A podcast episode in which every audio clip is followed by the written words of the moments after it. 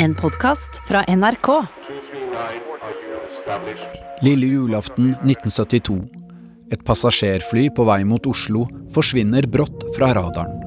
Når et eh, fly styrter i mørke og tåke, så er ikke sjansene så veldig store.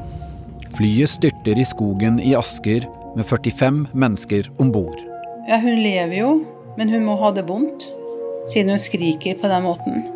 Først seks timer seinere finner noen det brennende vraket. Så så jeg gjennom tåkehavet noen glimt av eh, flammer.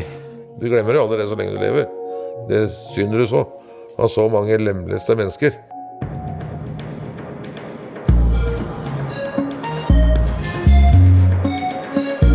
Du hører på hele historien.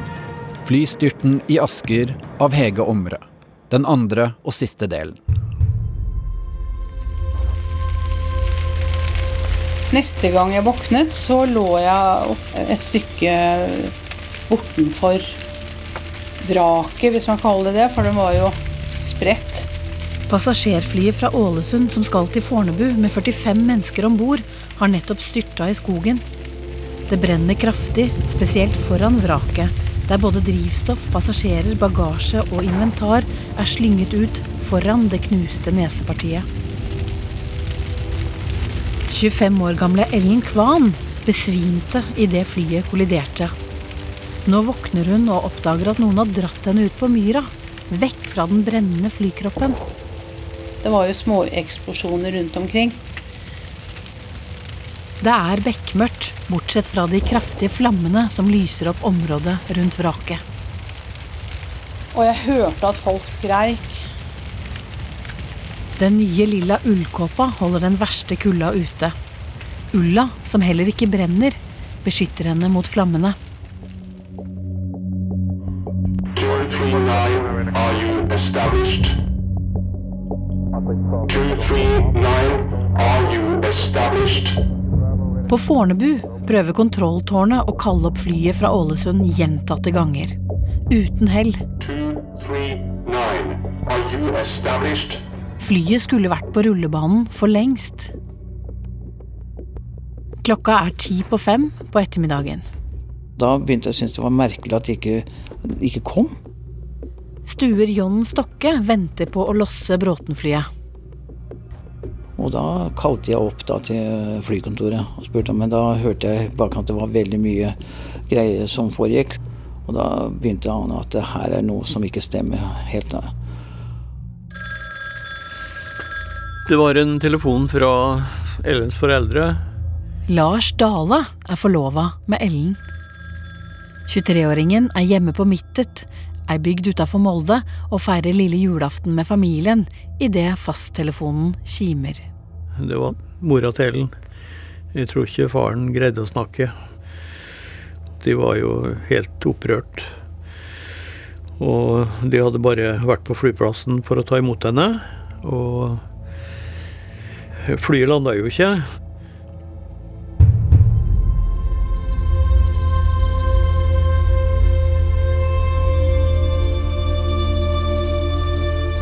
Klokka 17 får Flyhavarikommisjonen varsel om at passasjerflyet er savna, en halvtime etter det skulle lande på Fornebu. Det var en melding fra UPIs Oslo-redaksjon, der det hadde tikket inn en eh, NTM-melding på fjernskriveren, som gikk ut på at det var savnet et Bråten Safely under innflyvningen til Fornebu. Jan Borg jobber som filmreporter for verdens største nyhetsbyrå, amerikanske United Press International, UPI. 31-åringen er hjemme i Oslo og har nettopp avslutta den tradisjonelle familiemiddagen på lille julaften. Etter hvert så tikket inn flere meldinger fra NTB, og til slutt så kom den viktigste, og det var at det var opprettet en kommandosenter på Solli gård i Asker. Han pakker bilen En gammel Volvo. og setter av gårde mot Asker. Jeg hadde jo da en ryggsekk.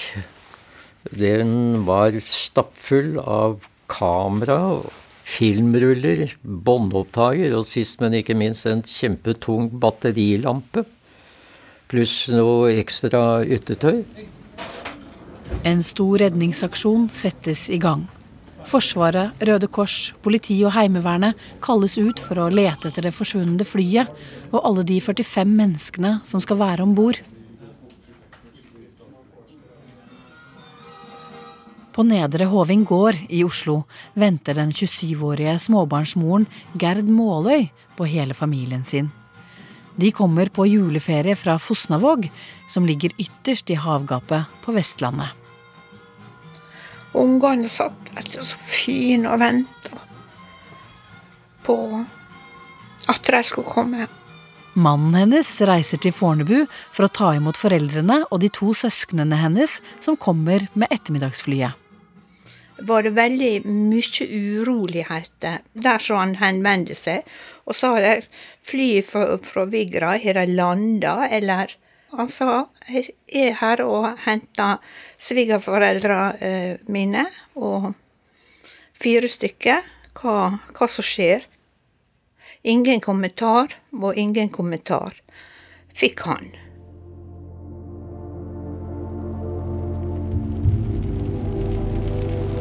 Jeg registrerte at noen gikk, litt, gikk rundt, rundt der. Og pratet, kom bort til meg og pratet. I Askerskogen ligger Ellen på bakken i den frosne lyngen, litt bortenfor det som er igjen av flykroppen. Hun kan kjenne varmen fra flammehavet. Det er flere som har overlevd. Og um, de spurte hvordan jeg hadde det. Og så sa jeg at jeg har vondt i ryggen. Da, da syns vi at du skal bare bli liggende. For du vet ikke hva slags skade det er. Filmreporter Jan Borg kommer fram til Solli gård i Asker. Jeg var veldig tidlig ute, og etter hvert kom det en del eh, politibiler, ambulanser og, og brannbiler til stedet. Og jeg hadde jo da tenkt å joine noen av disse gutta da, på veien inn i skogen. Her på Soli gård startet letingen kvart på syv i kveld, og foreløpig er 30 mann sendt ut i terrenget bak oss. NRKs reporter Lars Sigurd Sunnanå er også på plass på Soli gård. Han intervjuer politibetjent Kåre Bendiksen. Hvordan er terrenget innover her? Det er uh, veldig kupert, veldig glatt, isete og glatt, eh, så det er veldig vanskelig å søke. Slik at om man skulle finne flyet, så kan det bli veldig problematisk å Eh, litt vanskelig, vanskelig blir det å, eh, å få transport innover i marka. Politiet har ikke oversikt. Vi leter jo altså, også lenger nordover, men den har ikke vi oversikt over nå. Lars Dale følger med på ekstrasendingene om det savnede flyet. TV-en var også på stua, så vi, vi fulgte jo med.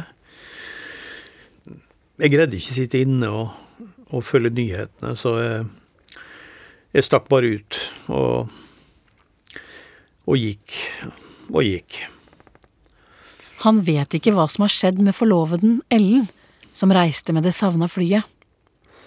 Det er mange tanker som svever rundt når du går og venter på en beskjed. Du veit jo såpass at når et eh, fly styrter i mørke og tåke, så er ikke sjansene så veldig store. Så jeg,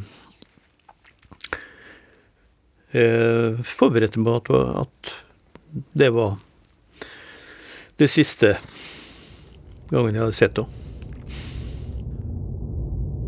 Lars vet ikke at Ellen er i live og venter på å bli reddet. At hun ligger i skogen med en kvinne under seg. Hun lå på bakken, på ryggen rett ut. Og jeg lå oppå beina hennes, på tvers. Kvinnen er hardt skadd. Og da begynte jeg å snakke til henne. Men hun bare ropte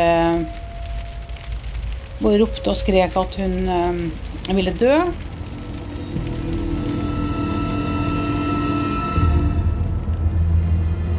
Kvinnen er moren til Gerd, Bertha Måløy, fra Fosnavåg. Men hjemme i stua vet Gerd ingenting om hva som foregår ute i Askerskogen. Så jeg fikk noe sjokk, vet du. Han kom nå med, med, med tom bil. Mannen til Gerd kommer alene hjem fra Fornebu. Og da var det kom på TV. Jeg var nå helt knust. Og satt og så på TV. Og det gikk nå om igjen og om igjen og om igjen. Jeg bare satt der og så og fulgte med. Jeg visste ingenting. Og i og med at jeg hadde hatt, tatt flysertifikat i 71, så kjente jeg jo innflyvingen til Bane 06 på Fornebu. 20 år gamle Trond Nyborg fra Asker følger også med på nyhetene denne kvelden. Han er hobbyflyger og kjenner godt til hvordan man navigerer i luftrommet rundt Fornebu. Han og to kamerater hiver seg i bilen og reiser inn til tårnet på Fornebu for å ta rede på hvor flyet forsvant fra radaren. Da så vi helikopter der og sirkla opp i Skaugumsåsen-området. Det er flere helikoptre som er satt inn for å lete etter det savna flyet. Passerer vi Sandvikbrua, da kom det et helikopter til i så lav høyde at det subba omtrent ned på løktestolpene. Som ivrig jeger og fisker er Trond svært godt kjent i skogsområdene rundt Asker. Vi hadde flysertifikat, så vi visste jo åssen innflyvingen var til Fornebu. Så har jeg jo sett Bråten har tatt en sånn snarvei over skauen for, for, å fange opp glidebanen. Så da kjørte vi ned til Trandby og bort til Sylling. Og, og der går det vei opp til Assertjern. Åssen jeg kom opp der, det er jo helt ubegripelig. Men, det var bare holke, men vi kom nå opp der. og det var jo satt av et uh, leteområde på ca. 50 kvadratkilometer. Og det er ganske mye. I den tjukke tåka leter filmreporter Jan Borg sammen med redningsmannskap, Røde Kors og filmteamet fra NRK etter flyet. Å vandre da oppover der sånn med en tung ryggsekk Det var jo som å lete etter nåla i en høystakk. Trond Nyborg og kameratene er framme på den andre siden av Askemarka ved Lier. Så der sto det vel sånn 35-40 Røde Kors fra Lier og Drammensområdet. Ikke hadde vi lommelykt eller noen ting. Så. Han får låne en lommelykt av hjelpemannskapene. Så bestemte å gå på toppene da, og leite. Glatt var det. Et lag på seks menn går innover. Så var det vel noen få kudderader. Tre-fire-fem kullerader. Inne i granskogen treffer Trond og kameratene på teamet fra NRK og Jan Borg fra pressebyrået UPI. Det var en ekkel vind som uh, vi fikk rett i fleisen. Og uh, tåke. Og så var det jo selvfølgelig bekamørkt. Jeg hadde en splitter ny boblejakke på meg, husker jeg. Og, og selvfølgelig ulltøy fra innerst til ytterst. Og jeg hadde jo også reserveklær i, i, i ryggsekken. Jeg var våken og sov sånn om hverandre. Ellen ligger fremdeles stille med vond rygg i den kalde lyngen og venter på hjelp.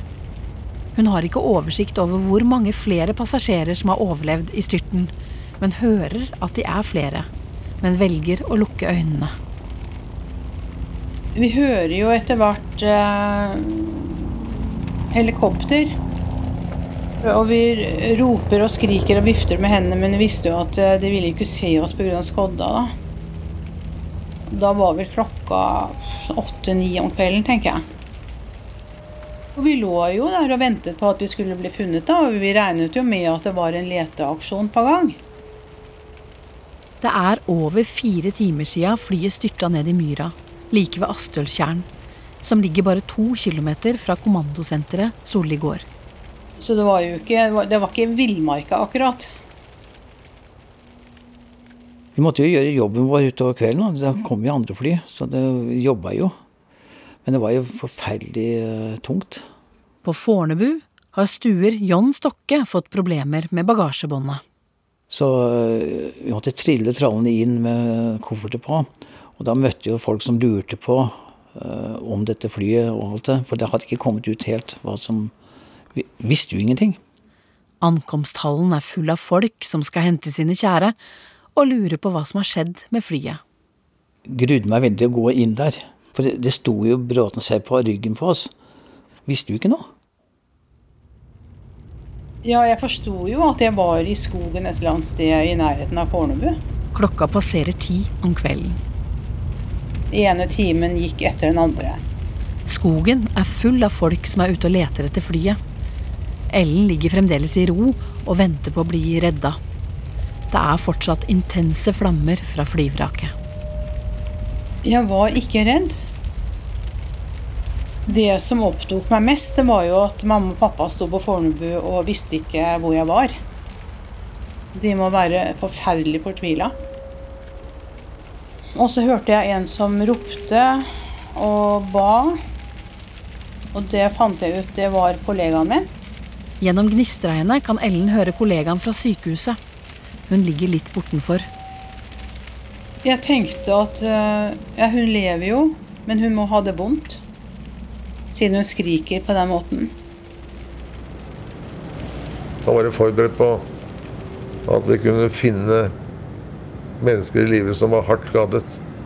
Hobbyflyger Trond Nyborg og kameratene speider etter det savna flyet. Vi brukte en drøy halvtime til vi kom ut på en åpning i ei myr eller et eller annet uttokt eller hva det var. Og da brant det inni i skauen, og da Jan Borg har kommet bort fra de andre. Og da jeg gikk der alene, så tenkte jeg i mitt stille sinn at hva er, det jeg, hva er det jeg er med på? Og jeg, begynte også å bli litt redd for å gå vill oppi der. Men miraklenes tid, den var ikke forbi. For plutselig så kom det noen kraftige vindkast som brakte med seg eh, lukt av bensin, og, og, og, og det luktet ganske heavy. Og det var jo klart at det måtte jo være flyvraket som, eh, som lå et eller annet sted i nærheten. Så så jeg gjennom tåkehavet noen glimt av uh, flammer. Det er seks og en halv time siden flyet styrta. Så hørte vi jo stemmer. Stemmer borti skogen. Trond og kameratene roper i skogen. Så kom to mann imot, og de var selvsagt i sjokk. To overlevende dukker opp fra mørket. Så vidt jeg klarer å huske, så spurte de etter en dram, tror jeg. Og så sa han det var fem til i live der borte. og Når de kommer over høydedraget, ser Trond det som er igjen av flykroppen. I den myra på baksida der det var en liten bekk, der lå vraket. Cockpiten var jo knekt da. Pilota var jo, lå jo foran de der. Har jo treffer i bakken og vinger og alt er dratt av mens det går mellom skauen og ned. da. Så taket hadde revna. Det var blitt kasta ut over taket ut, den som var i live. Og det, det hadde brukket i to. Og ved den ene delen av flyet, der brant det fortsatt ganske mye. Filmreporter Jan har kommet fram til en lysning i skogen. Flyet har kappa ned trærne flere hundre meter bortover. Selv etter altså så mange timer så var det tilløp til brann også i, i lyngen som var der. Og ved en av de delene ved flyet så hadde de fleste overlevende samlet seg for å søke varme da fra disse flammene som fortsatt var aktive. Og det lå mennesker levende og døde spredt rundt over hele den flate myra. Du glemmer jo aldri det så lenge du lever. Det synder du så av så mange lemleste mennesker. Flere sitter fortsatt fastspent i setene sine mens flyvraket brenner. Og helt for kulda. Helt for kulda. Trond går fra person til person. Og da var det bare å gå og kjenne på puls på folk, da, for det var jo Mesteparten var jo død og omkommet. Han får øye på ei ung jente. Det var ei ungjente som hadde krabba bortover i snøen. Det var spor etter henne. Fra vraket. For det brant jo fælt. Men øh, det var ikke noe puls. Men hun var varm ennå, så hun har akkurat dødd rett før vi kom, tenker jeg. Og da dukket det jo opp noen menn. Unge menn. Men de dukker plutselig opp. Da hadde også teamet fra NRK kommet omtrent til samme sted. Her er det en som har eh, Se. Jeg tror det er en dame der borte. Også mannen som ligger ved siden av den damen. Eller? Her har vi en som har skadet. NRK-teamet filmer det første møtet med de overlevende. Og reporter Lars Sigurd Sunnanå prøver å hjelpe de som er skadd. Er det beinet som er Er det oppi låret her? Ja, det, det her. Ja, jeg ser det. jeg ser det. Bare ikke ta på det, så skal det gå bra. Nå skal vi snart få kyndig hjelp her. Jeg beklager, jeg ikke er noen legegutt. nå. Det beklager vi også, men vi kan ikke gjøre stort mer enn vi gjør. Så var det noen som lå der veldig skadet, da. Som vel var i live. Men Du er varm og god i nå? Ja, I overkroppen og sånn? jeg gjør Ja, det. det er fint. Jeg prøvde å liksom holde meg i bevegelse, men det kan jo bli litt kaldt etter hvert. Ja, det kjennes bra ut her. Det er antagelig det benet her som Ja da. Ta meg bare en slag. Ja, kom igjen. Skal vi se, skal jeg ta oss og holde kommet? Nei, hjelp. Det er en mann her borte som trenger tøy. En mann med tøy. Han har skadet lårbenet sitt. Filmreporter Jan får bruk for alle de varme klærne han har pakka med seg. Og det første jeg gjorde, det var jo å kaste meg ned øh, foran en dy, altså en mann som var nærmest øh, dypfrossen. Øh, og vred av meg da boblejakka mi og fikk tullet han inn i den. Og, og tørket også litt blod av, av panna hans med et øh, tørkle som jeg hadde i lomma. Han var i live, men jeg vet ikke hvor lenge han levde.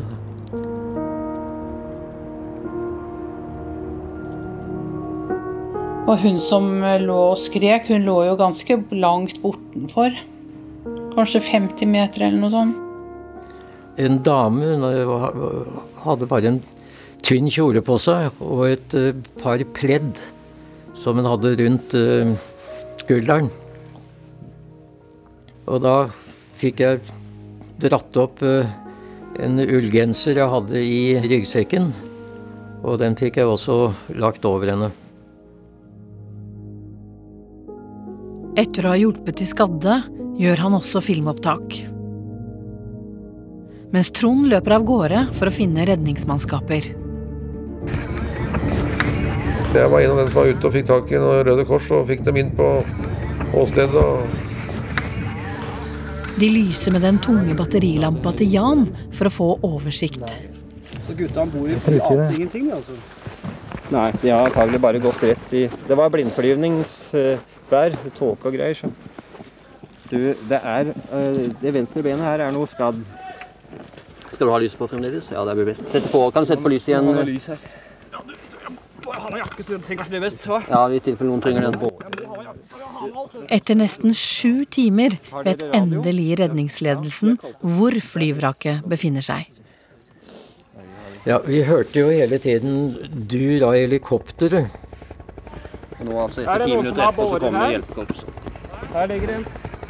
Og takket være da lys fra batterilampene til NRK og min egen, så, så klarte helikoptrene å lande på, på denne myra, ikke så veldig langt fra flyvraket og der hvor de omkomne lå.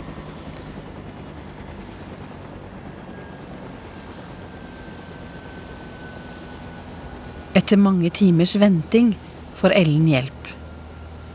De løftet meg opp på båra, og så bar de meg kanskje 100 meter eller noe sånt. Bort til en, en å, liten åpen plass hvor det sto et helikopter. Og da tenkte jeg faktisk eh, Endelig får jeg kjørt helikopter.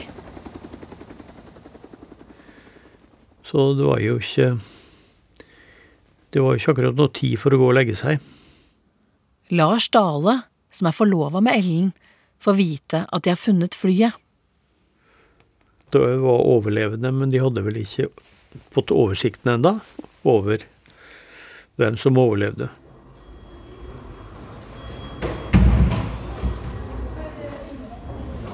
Jeg var på en måte ikke meg selv, for jeg var i sjokk. Ellen er på Ullevål sykehus i Oslo.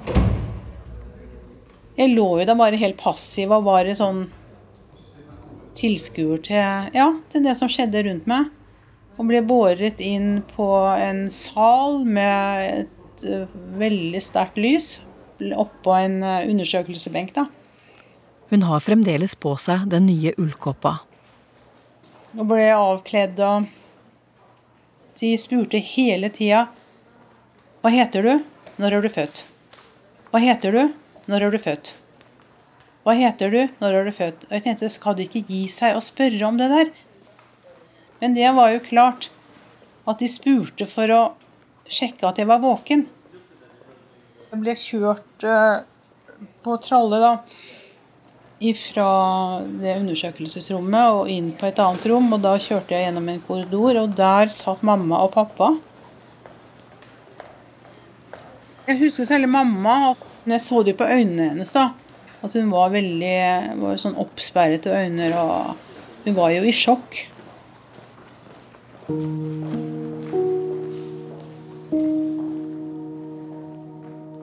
På Nedre Hoving gård venter Gerd Måløy på beskjed om hva som har skjedd med moren, faren, broren og søsteren.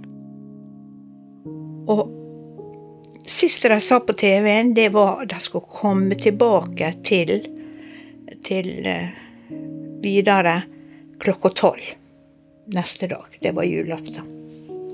Moren hennes, Bertha, er i live ute i skogen. Sterkt skada. Trond Nyborg sitter med henne. Jeg vil dø. Jeg vil dø. Alt, altså. Og så fikk jeg inn i helikopter også.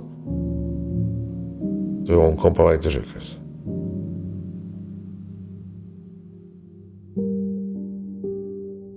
Midt på natta, i den mørke skogen, avslutter Trond jobben rundt flyvraket. Når vi gikk derfra, så gikk vi hjem med tårer i øya, gitt. Tror jeg var hjemme sånn på halv fire på morgenen.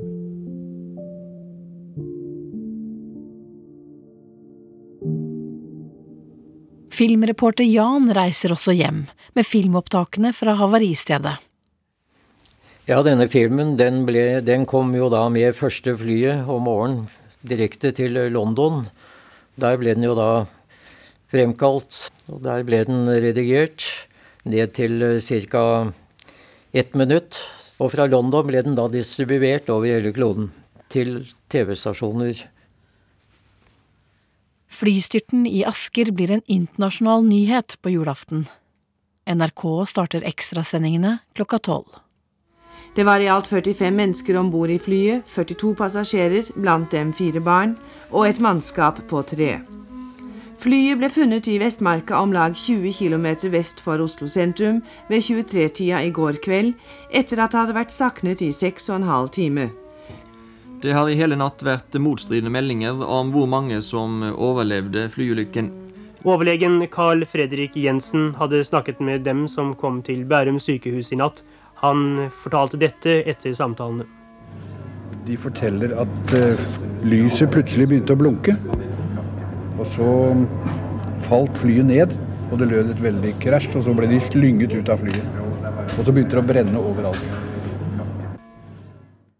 NRK intervjuer en av de som har overlevd, Sigfred Thomassen, som er på Ullevål sykehus. Det var for å ta en eh, feriereise til Las Palmas. Så styrte flyet i bakken. Det var Sigfrid Thomassen som dro Ellen ut av det brennende flyvraket. Jeg dro henne et stykke, god stykke fra flammen. NRK intervjuer også redningsleder Sjur Nørve, politifullmektig ved Asker og Bærum politikammer.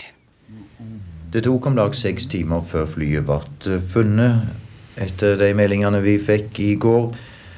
Eh, var dette lang tid, eller må en regne med såpass mange timer i den typen terreng? Eh, jeg syns ikke det tok så lang tid. Hvor mange mann var med i leitinga? Eh, vi satte inn alt som kunne skaffes innen rimelig tid, og det har dreid seg om en styrke på noe over 1000 mann.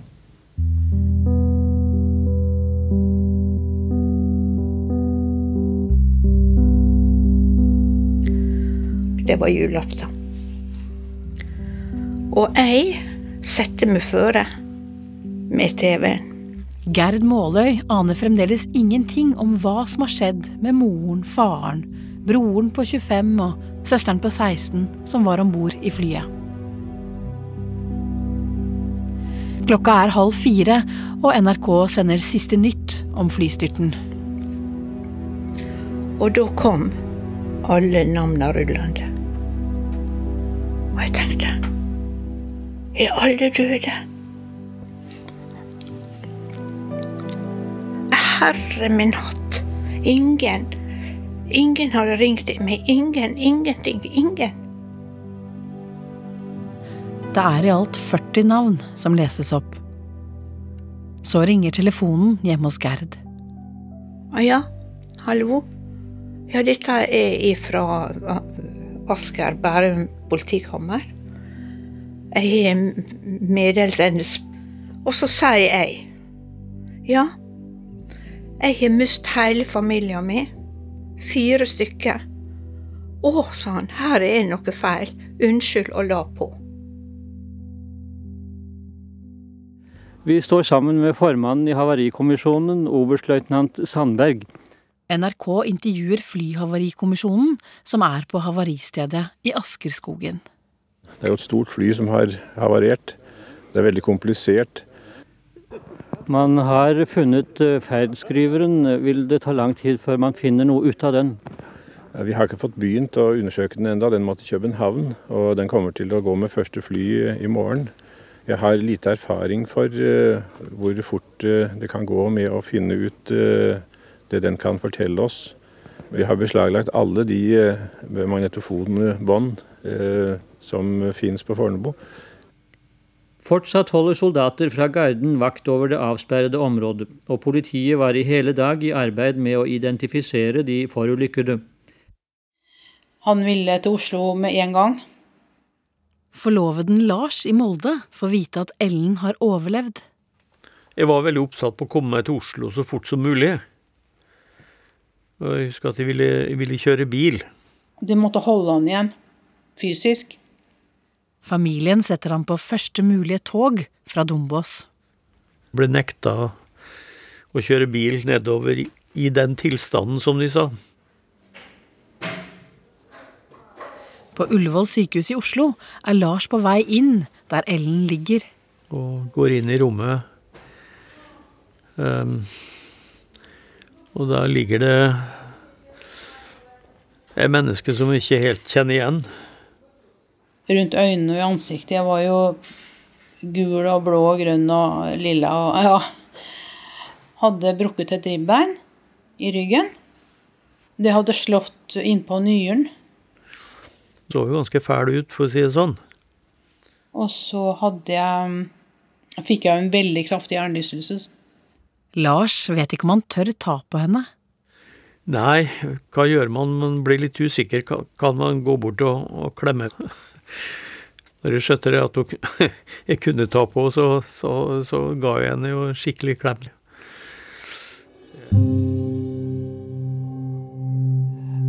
Men det at vi hadde mista et fly, og jeg kjente noen bord der, det var eh, det, det fikk jeg ikke helt ut av kroppen. Det varte fryktelig lenge. Stuer John Stokke jobber på Fornebu i hele romjula. Også når delene fra ulykkesflyet fraktes fra skogen i Asker tilbake til flyplassen. Vrakdelene fra flyet havna jo på Fornebu. Og ble lagt på gulvet i hangaren der. Det var jo det eneste jeg nesten kunne se av et fly, det var den bakre delen av halen der. Resten var jo forbrent og alt det. Syns jeg var forferdelig å gå inn der. Og se det Det, det var, det var altfor sterkt. Der kjente jeg jo fartøysjefen på den, og at og han er borte. Og, og så ser, ser, det sånn ut. Og mange mennesker som måtte miste livet da. Det er, øh, det er tungt. Vi driver fremdeles og, og bringer vrakdeler ned fra havaristedet. NRK intervjuer Flyhavarikommisjonens leder Sandberg på Fornebu. Det er fremdeles ingen som verken vet eller skjønner hva som har skjedd om bord i flyet de siste to minuttene før det styrta. Vi har ennå ikke fått eh, de endelige obduksjonsrapportene fra Rettsmedisinsk institutt. Det gjelder flyverne. Er det riktig, slik en Oslo-avis fremstiller det i dag, at eh, flygerne trodde de befant seg over Nesøya, som ligger meget nær Fornebu? Det er ikke riktig, som det gir inntrykk av i den avisen, at kommisjonen har bundet seg til noen spesiell eh, årsakssammenheng. Det er mange teorier, og vi må undersøke dem alle sammen. Hva med menneskelig svikt som en eventuell årsak til denne ulykken? Som ved alle havarier så kan man ikke utelukke det.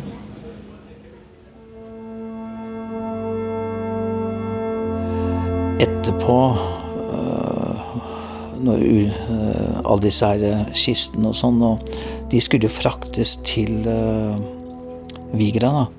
Og de blir jo sendt i øh, en av våre fly, da.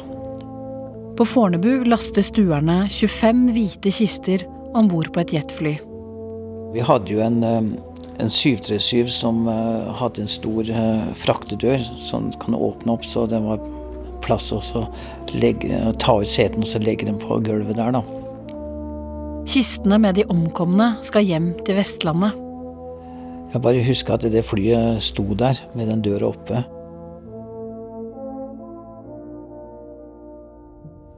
Gerd Måløy reiser til Ålesund for å ta imot de fire kistene med familiemedlemmene. Jeg har ikke en svarte kjole, jeg har nå ingenting. Hun mangler sørgeklær før minneseremonien ute på Vigra flyplass. Så vi fant en svarte kjole til meg. Flagga vaia på halv stang over hele Sunnmøre i formiddag da de 25 bårene kom til Vigra med ekstrafly fra Oslo. Å, herlighet. Det er altså det verste jeg har vært med på. De hvite kistene som sto på rekke og rad under flyvingen ute på flyplassen, fortalte mer enn noe annet hvor urimelig hardt denne ulykka hadde ramma by og bygd i denne landsdelen. Alle grein og ula, kan du tenke deg. Det var som et kor. Det var sånn uh, hiksting og gråting. For ei veke siden reiste disse 25 fra Vigra for å høgtide jula hos slekt og venner på Østlandet. Nå vender de samla tilbake.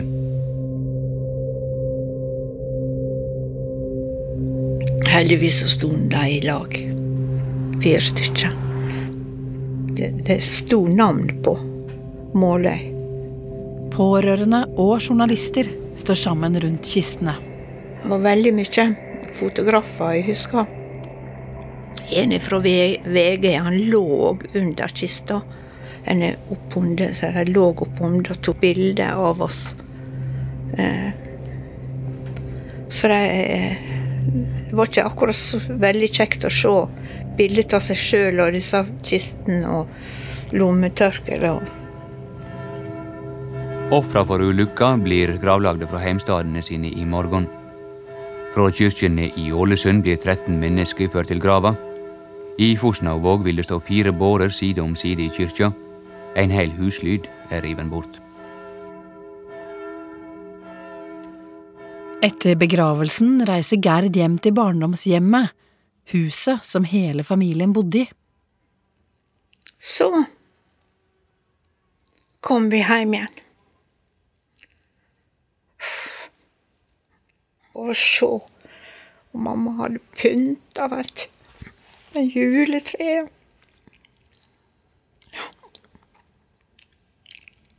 Krimteknikere har vært i huset. De som hadde vært her og eh, tatt fingeravtrykk og fotavtrykk og alt, og ikke hadde ordna opp etter seg. Lokalavisa har også blitt sluppet inn i stua av slektninger og henta bilder av familien. De hadde vært i, i, i fotografalbumet og rive ut bildet. Statsminister Lars Korvald holder tale inn i det nye året. Kjære landsmenn. Flykatastrofen i Asker er den største som har rammet oss noen gang. 40 mennesker mistet livet, Og mange pårørende fikk oppleve inngangen til julehøytiden med sorg og fortvilelse. Tida går. Gerd føler seg glemt av myndighetene og flyselskapet etter ulykka. Så fikk jeg beskjed at jeg måtte henvende meg til Ålesund politikammer, for de hadde punger og klokker og smykker og sånne ting som tilhørte eh, familien Måløy. Gerd kjenner igjen konfirmasjonsringen til lillesøster og perlesmykket til moren, Bertha Måløy. Det som mamma hadde på seg når hun kom. Det var i hvert fall helt knorr ødelagt. Men det fikk jeg. Noe kan også tyde på at familiehunden Snoopy, beaglen som var i lasterommet da flyet styrta, overlevde. Nydelig flotte hunder. Så gikk det noen år, så var det en som kom til meg og så sa han, du Gerd, har du bilde av hunden til som foreldrene dine hadde? Ei dame, sa han, som påstår at en hund, en beagle, som kom til henne, og han hadde sikkert vært på flyulykka, for han hadde noe brannskadde, noe som var med nå. Så det var visst den hunden. Ja, han hadde kommet, altså. Så hun hadde tatt seg av nå. I Asker.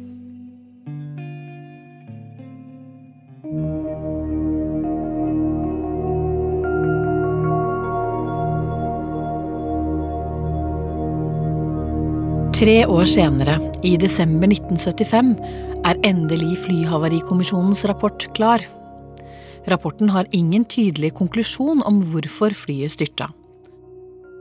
Årsaken er aldri helt klarlagt. Det var ingen tekniske feil eller mangler på flyet da det havarerte. Flyet var ute av kurs i et tåkehav med lavt skydekke da det gikk inn for landing i myra i Asker istedenfor rullebanen på Fornebu.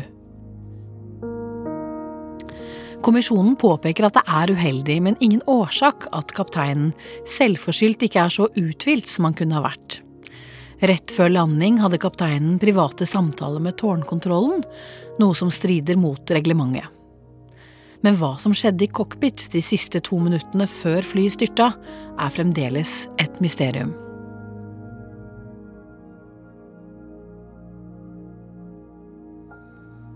Tidsskriftet for norske piloters fagforeninger mente Havarikommisjonens rapport var faglig svak. I Cockpit-forum var man særlig kritisk til at det ble spekulert i at pilotene skulle ha tatt en snarvei.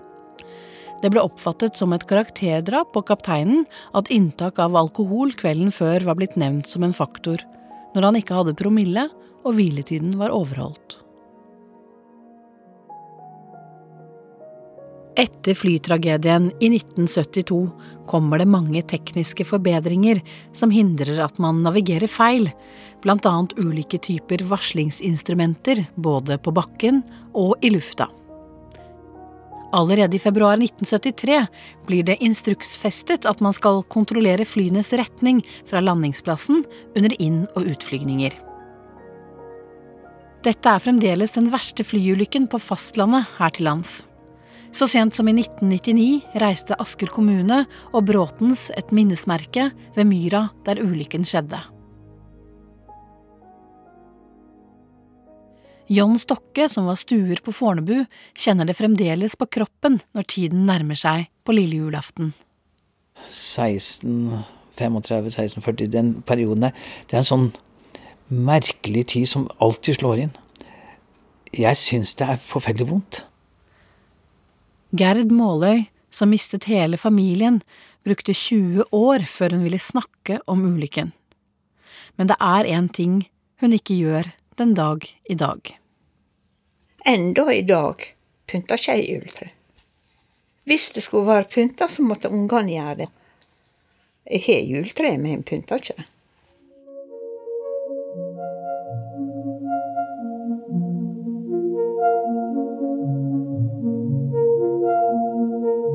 Du har hørt Flystyrten i Asker av Hege Omre.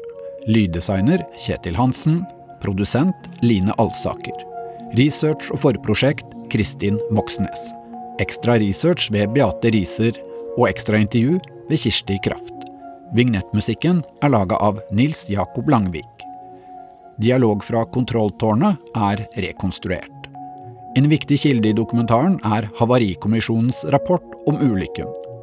Etter første publisering har vi tatt inn kritikk mot denne rapporten fra pilotforeningene, samt gjort noen mindre forenklinger. Redaksjonssjef for hele historien er Ragnhild Weire. Jeg heter Kjetil Saugestad og svarer deg hvis du sender e-post til hele historien krøllalfa nrk.no. En podkast fra NRK. Liv er 42 år og singel. Fader fuckings rulleren. Jeg er så drittlei av å være aleine. Hun har alltid ønsket seg å bli mamma. For, for meg er det på en måte egentlig ikke noe alternativ. Hun har det travelt. Fortalte mamma. Jeg vurderer å få barn alene. Vil hun lykkes? Eller er det for sent? Det er jo utrolig stas å dele at man er gravid, men hvis det da skulle gå gærent, liksom Livs siste sjanse hører du først i appen NRK Radio.